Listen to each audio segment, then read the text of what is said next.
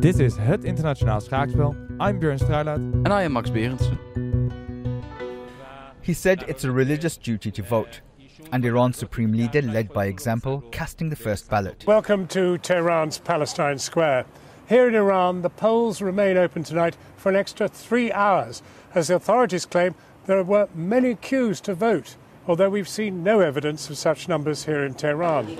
As ballot boxes were opened and votes counted, initial results in Iran's parliamentary elections showed conservatives were leading and on course to win a majority in the country's 290 seat parliament. But critics condemn today's vote as a fix, accusing the country's powerful Guardian Council of guaranteeing a hardline parliament by barring thousands of moderates from standing, including, says journalist Maziar Bahari, reformers from the last parliament. And it's been quite a while since we've been behind these microphones. I believe. Quite a while. Quite a while, more than almost two months. Jesus Christ. Yeah. Um. Well, no, we didn't have coronavirus. uh, we're not going to talk about the coronavirus. If you want to hear about that, go to any other news outlet. Um, but yeah, we had quite a lot of circumstances which made it really hard to record. Mm. Me going to Prague, um, and you know, having studies as well. But Yeah. we're back. Uh, we're trying a new format for today. So Max, get us started. Yeah, uh, well, we have decided to um, create a bit more uh, diversity in the topics which we are going to cover instead of just talking 45 minutes about one topic. Uh, we are going to talk about three to four, maybe five, depending on what we're talking about. Depending Uh, on how many crises there were. Yes, precisely. but today we start with uh, a country that keeps coming back, Iran, and Yes. the elections they recently had. What Yeah. happened? Yeah, uh, recent, yeah, parliamentary elections in Iran, you Mhm. call them like that, um, which have turned out to be a victory as well as a big loss for the Iranian regime. Uh, a victory in the sense that a lot of um, parliamentarians were chosen were pro-regime. Mhm. Uh, this probably had to do with uh, the assassination of uh, General Soleimani and uh, the, the increasing uh, international isolation, the pressure on Iran. Which the regime does not get much blame for within the country. Of course, there No. are some sectors that are blaming the regime for it. Mm-hmm. It's still not the happiest country to live in, but as you can see from the uh, results, apparently there is still quite a lot of support for the regime. And as you point out, that might have to do with increasing tensions, increasing isolation, as well as the brilliant assassination by the Americans of uh, Mhm. Soleimani. But it was bittersweet. Why? Yes, uh, it was bittersweet in the sense that the bitterness came in due to the fact that only 42% of Iranians uh, turned out to vote. hmm Uh, and this was even worse in the capital city of Tehran, where only a quarter of voters came out to to voice their opinion.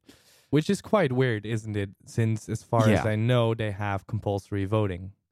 Uh, yeah, it could be. I, I, I don't really know why, how that's uh, s- how that's Usually, like if you Iran, take Australia, for instance, Yeah. so, uh, compulsory voting means that you have to vote, Mhm. as is in the name. But if you do Just not turn out, yes, you get a fine. I believe in Australia it's uh, one hundred dollars. In Belgium, it's seventy five euros or something like that. So Iran probably has a similar system to this, but still within a country with compulsory voting, Mm. forty five percent turnout is insanely low. yes, um, this proves that the regime is, uh, or, well, is could be in a uh, certain legitimacy crisis Mhm. because um, the regime has been uh, has had a few tests. It's still having a few tests. uh, in, in, if you look at the news, uh, there was, of course, after the assassination of Soleimani, there was the shooting down of a civilian airliner, which killed ca- uh, quite a few uh, Canadian citizens and also uh, citizens of other countries.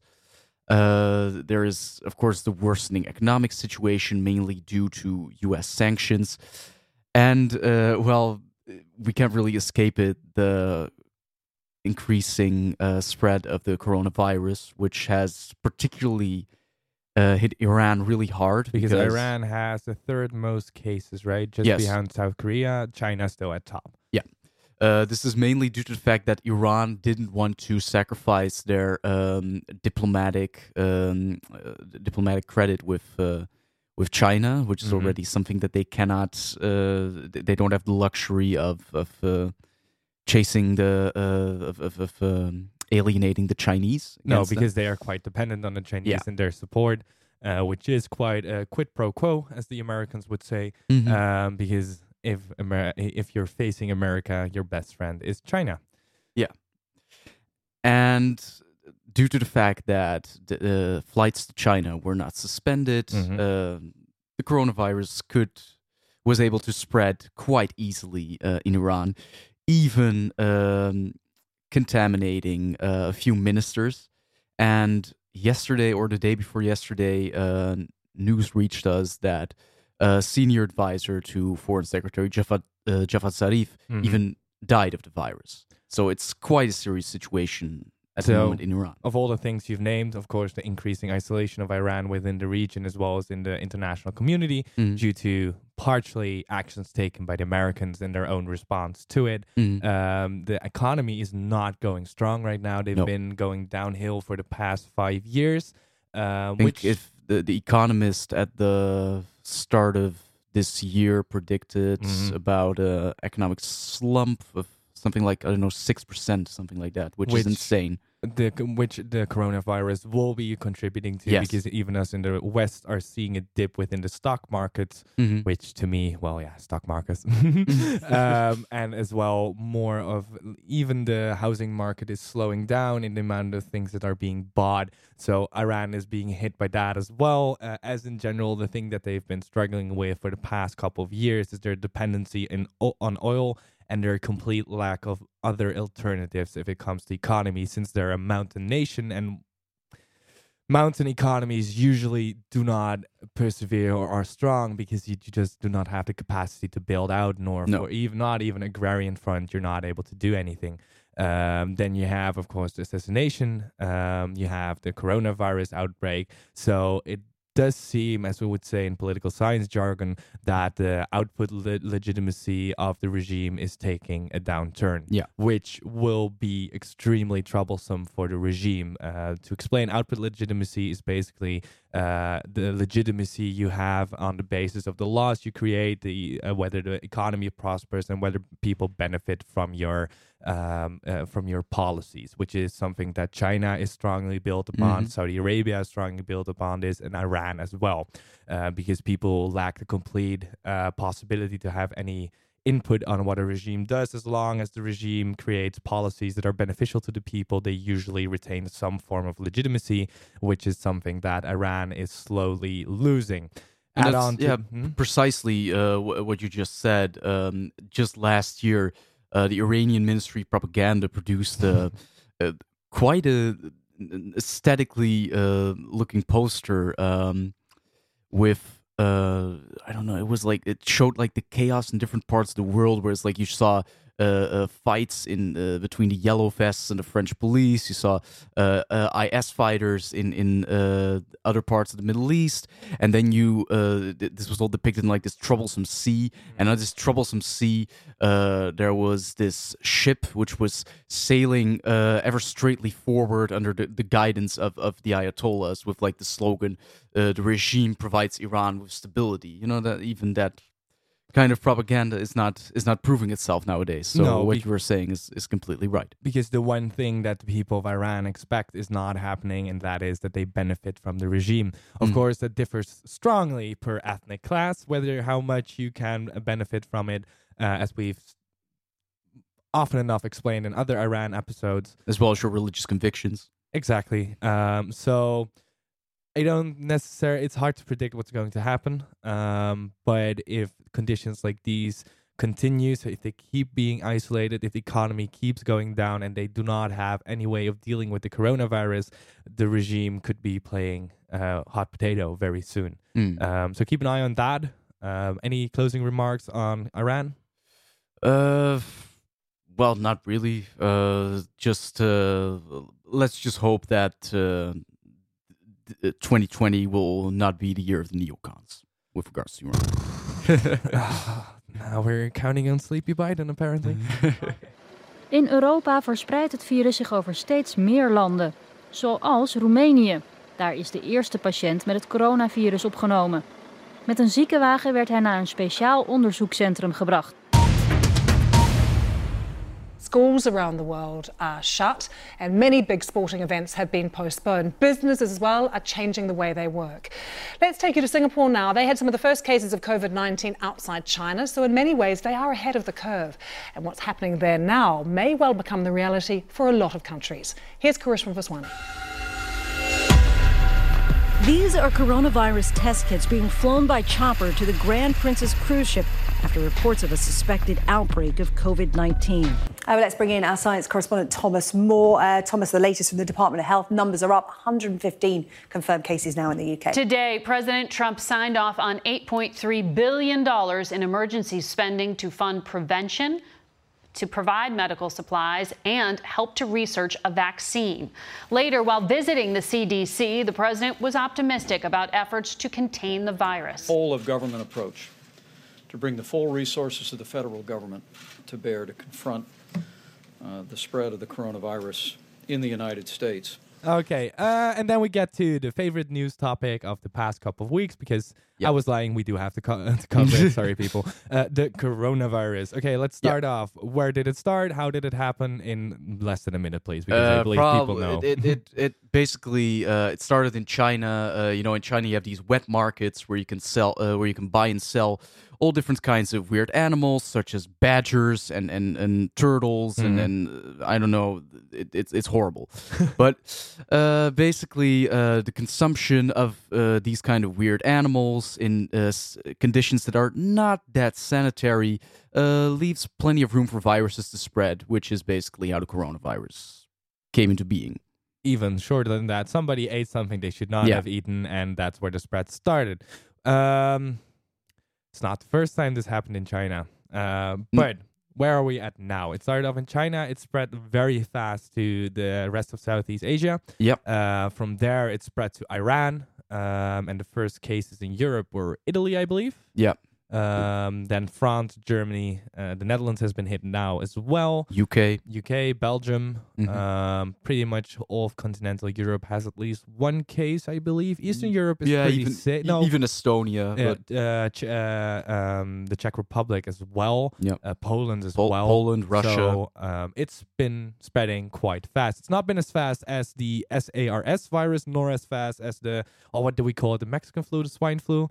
Uh, 2009. Yeah, and and even when the the coronavirus was spreading in the beginning, a lot of people were drawing parallels to uh, the Spanish flu at the beginning mm. of the mm. last century, which also probably started in China.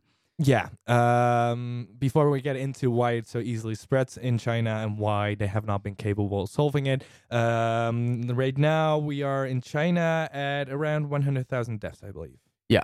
Uh, the spread, the, okay, to see the spread percentage, uh, when you have it, the chance of spreading it uh, is 2.2 people.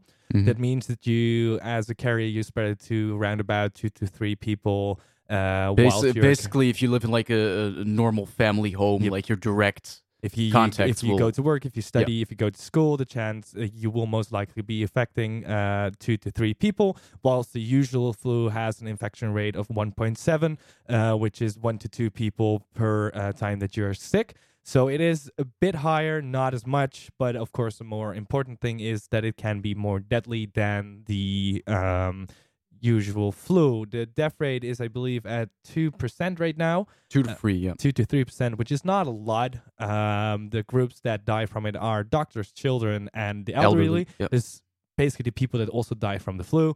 Um, and if you're looking for panic, you're not getting it from us. No. Um, it's shitty. It's a virus that's spreading for sure, but um, a healthy person has nothing to fear. You might just mm. be sick for a couple of weeks. If you are an elderly, sorry, bad news. Uh, it's the same as with the flu. Mm-hmm. Um, but then we get to let's first talk about the Netherlands. Um, how have we been dealing with it?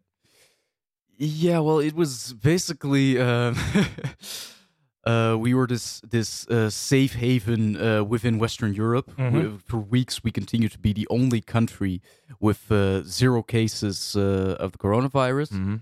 Then, at a certain point, a couple of people came back from Italy. Then uh, Carnival happened, and then basically it was uh, we're at I don't know 130 cases. Yeah, mo- yeah, um, I believe two days ago we were at 83. Now we're over 100. We're around 150. We have had one case of death, Mhm. and of course, 86-year-old man. 86 year old man. Apologies, uh, I do not have the coronavirus, uh, but um, of course, one of the most important things is something that happens with the Spanish flu, something that happened with the Mexican flu, and something that happened with SARS.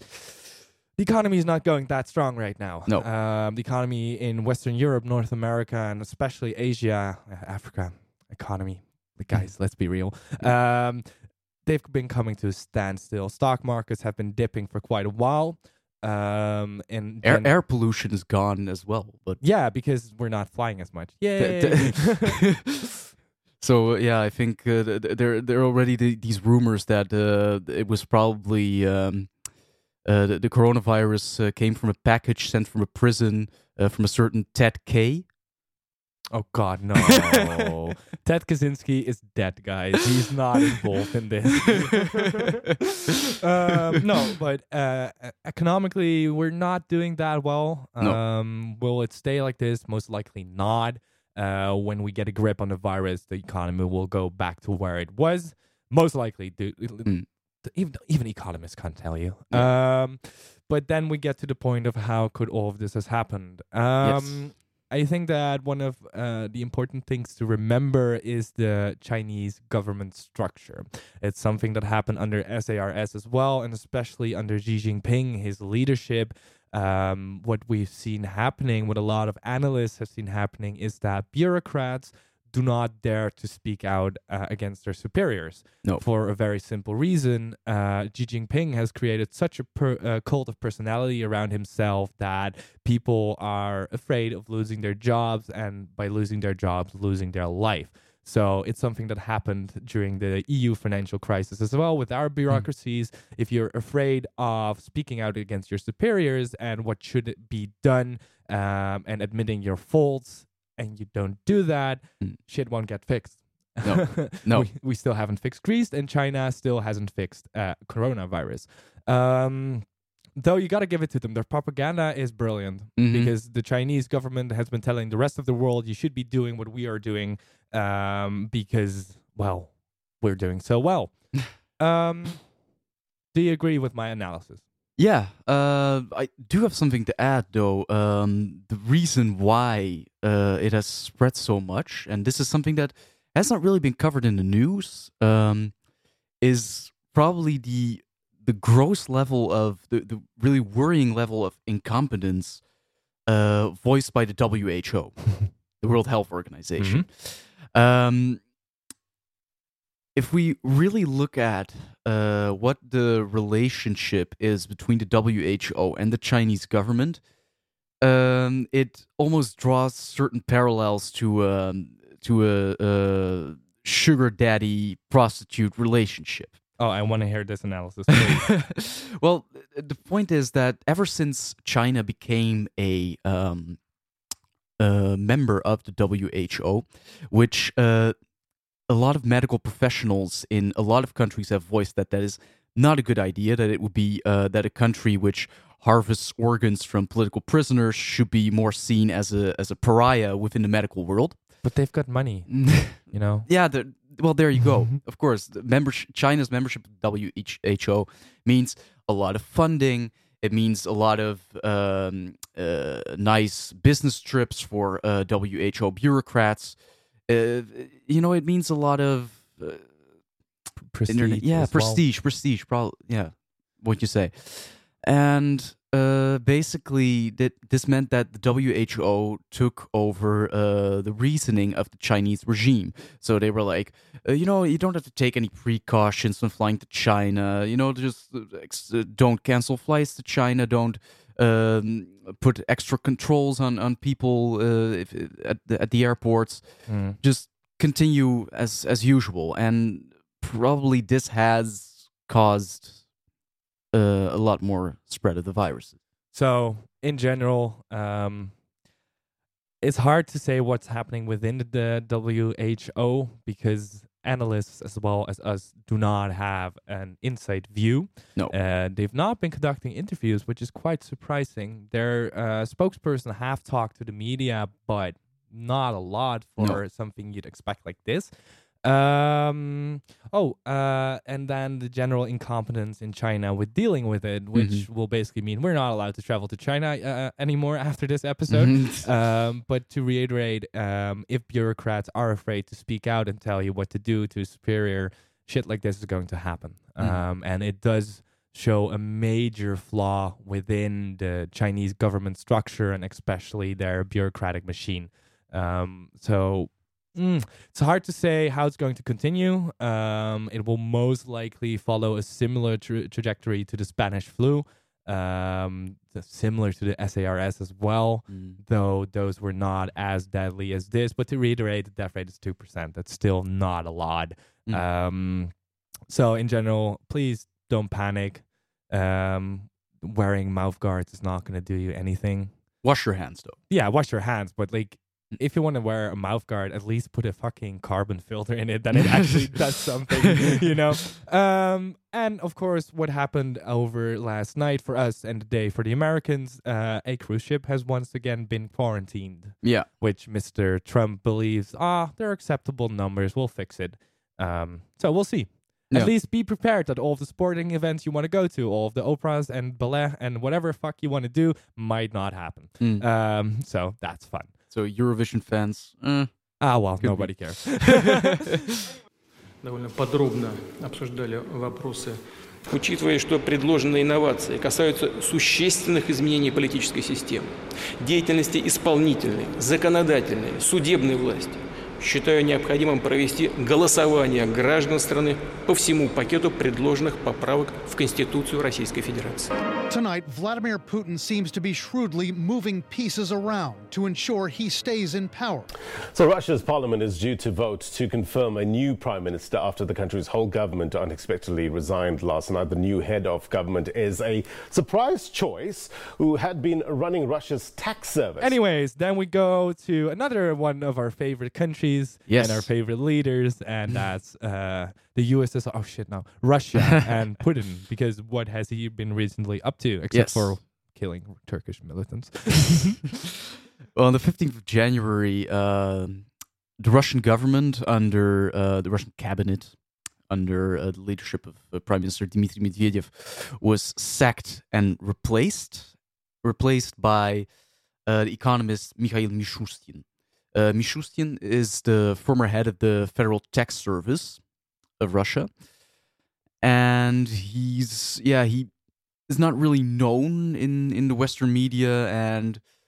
I don't know whether he will take up a more prominent role. Actually, the the situation is is um, still kind of uh, kind of hazy at this uh, at this point. We don't really know why this happened. Uh, a lot of Kremlinologists are speculating. Basically, what um, Putin uh, has proposed is that he wants to hold a referendum on a new Russian constitution mm-hmm.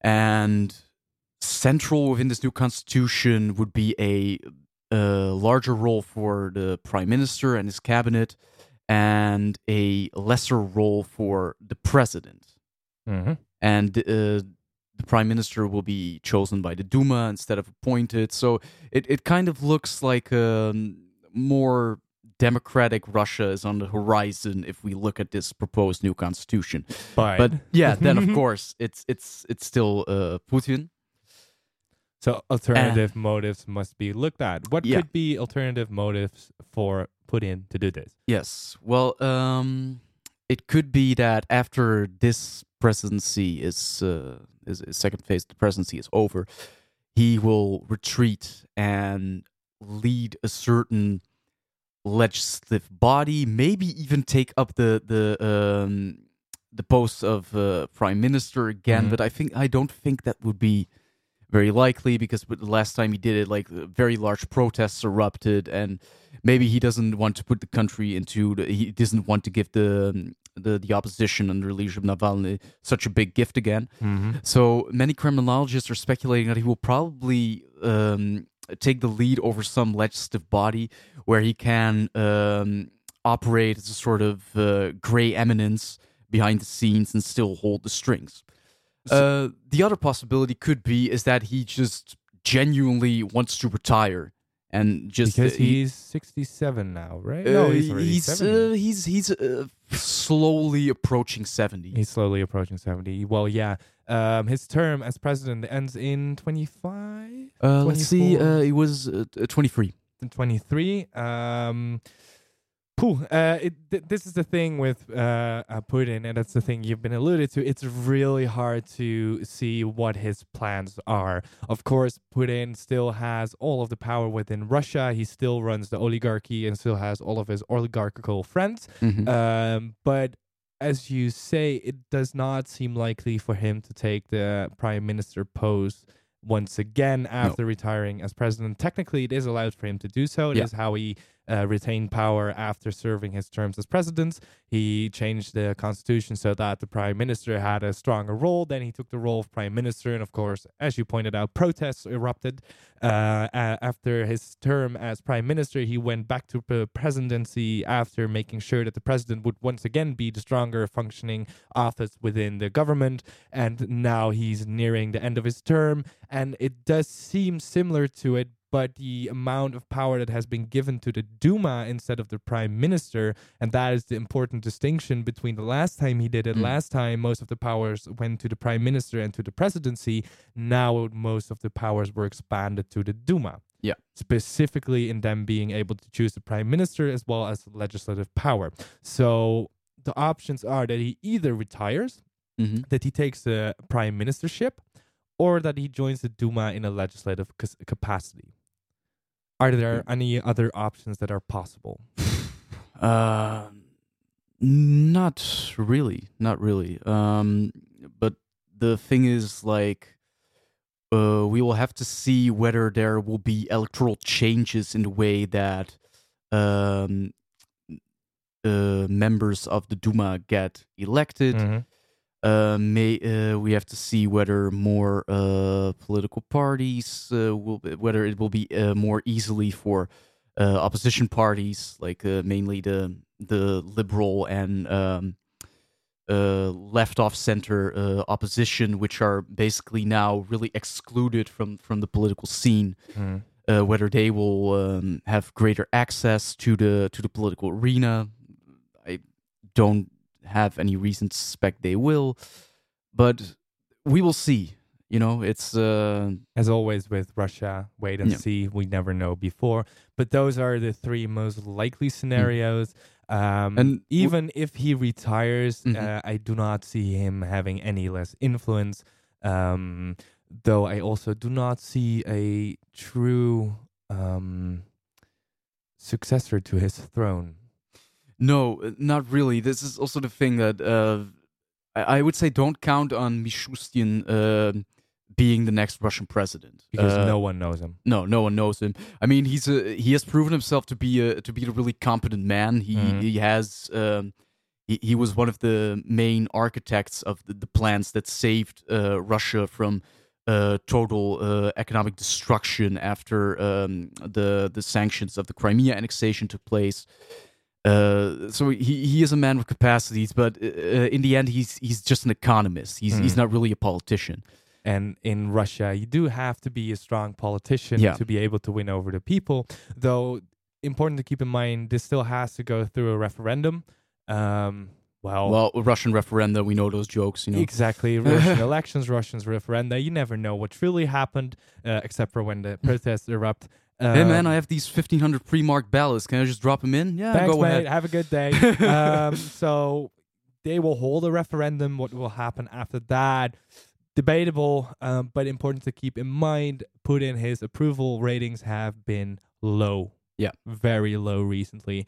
Um, under fifty percent, even, which is Depending on who you want to believe. Exactly. It's hard in Russia who to believe, but all of them show a downturn in approval, Mm. which does indicate that if he makes the move to take the prime ministership and empower himself in that role, that won't go over well.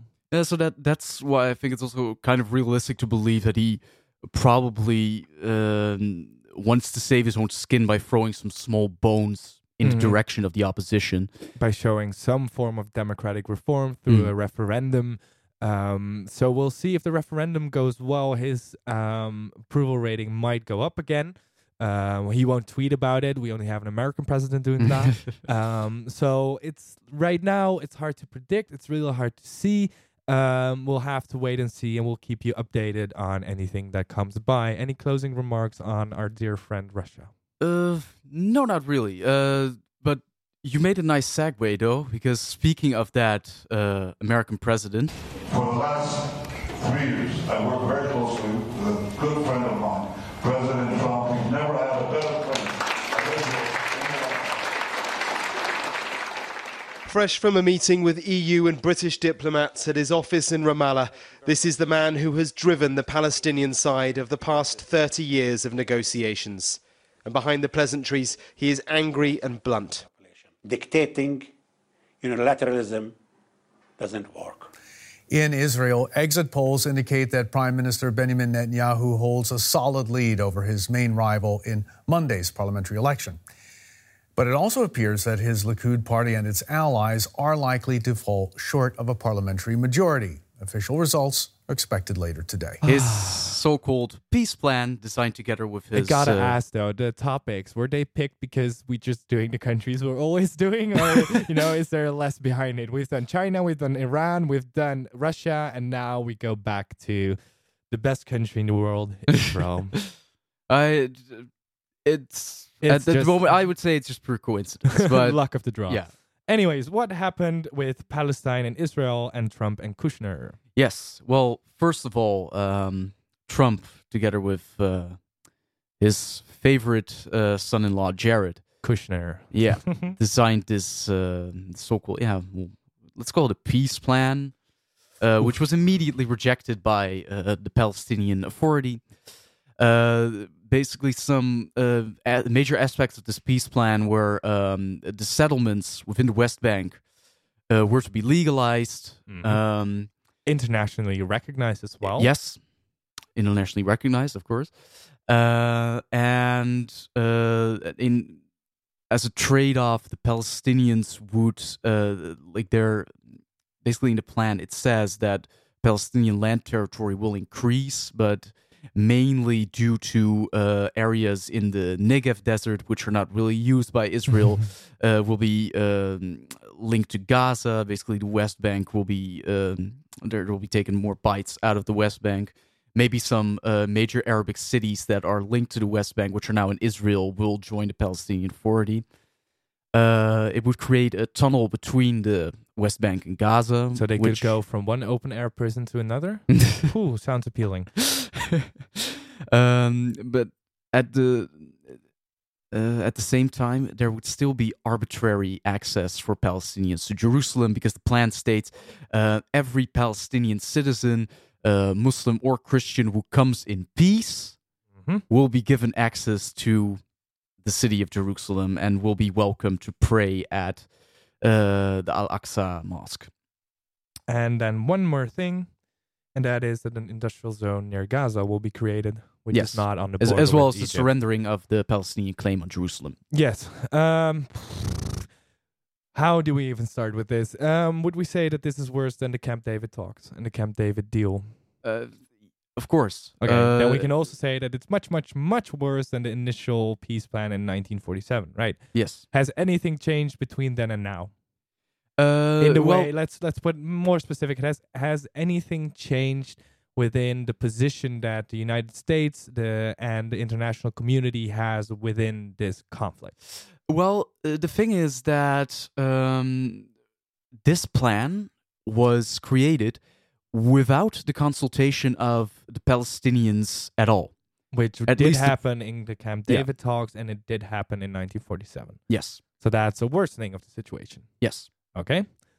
And if we've just explained the plans from that, you can clearly see that the Israeli bias within the United States and the international community is still as strong as it was in 1947. Um, why do I say that? In 1947, wa- there were not, I believe, 1 million Jews in, Is- in Palestine at that time. Uh, no, even less. Think even yeah, even less. At least let's put it this way: um, there were way more Palestinians than there were Israelites or Jews, um, and if, despite that, the Israeli state would get 54% of the P- uh, Palestinian mandate, Yep. and uh, uh, Palestinians would get 46. Another one percent is Jerusalem, which would be split between the two. Then we got to the Camp David talks, in which uh, many of Israel's illegal settlements were well, not necessarily legalized, but within that plan, they would have once again gained more ground on the Palestinians, um, and the Palestinians basically ha- got dealt the worst hand that they ever got, and that was accept or we destroy you. Um, this was, of course, after the Golan Heights was already taken and uh, the West Bank settlements got stronger and stronger. Now we're in 2020, and once again, you see the same thing that has always happened within this conflict, within these peace talks. It's something that Ilan Pappé beautifully describes in all of his books and all of his talks the international community just wants Palestine to give up and accept Israel as their, well, overlords kind of strong, but accept Israel's stronger position within the region. Yes, uh, and this time for the first uh, time, so uh, so out in the open, um, mostly Gulf states, but also a lot more um, countries from uh, the Arab region and the Muslim world are urging the Palestinians to accept this this Mhm. plan, uh, mainly due to the fact that. Um, if you look at the Gulf states, for example, the United Arab Emirates, the United Arab Emirates is addicted to medical technology coming in from Israel. Mhm. uh, there is already um, there have been a lot of um, uh, visit visits by min- uh, ministers from both countries uh, to each other's countries, uh, something which would have been unthinkable uh, 10, 15 years ago. Already, this is the most normal thing in the world for those for those people.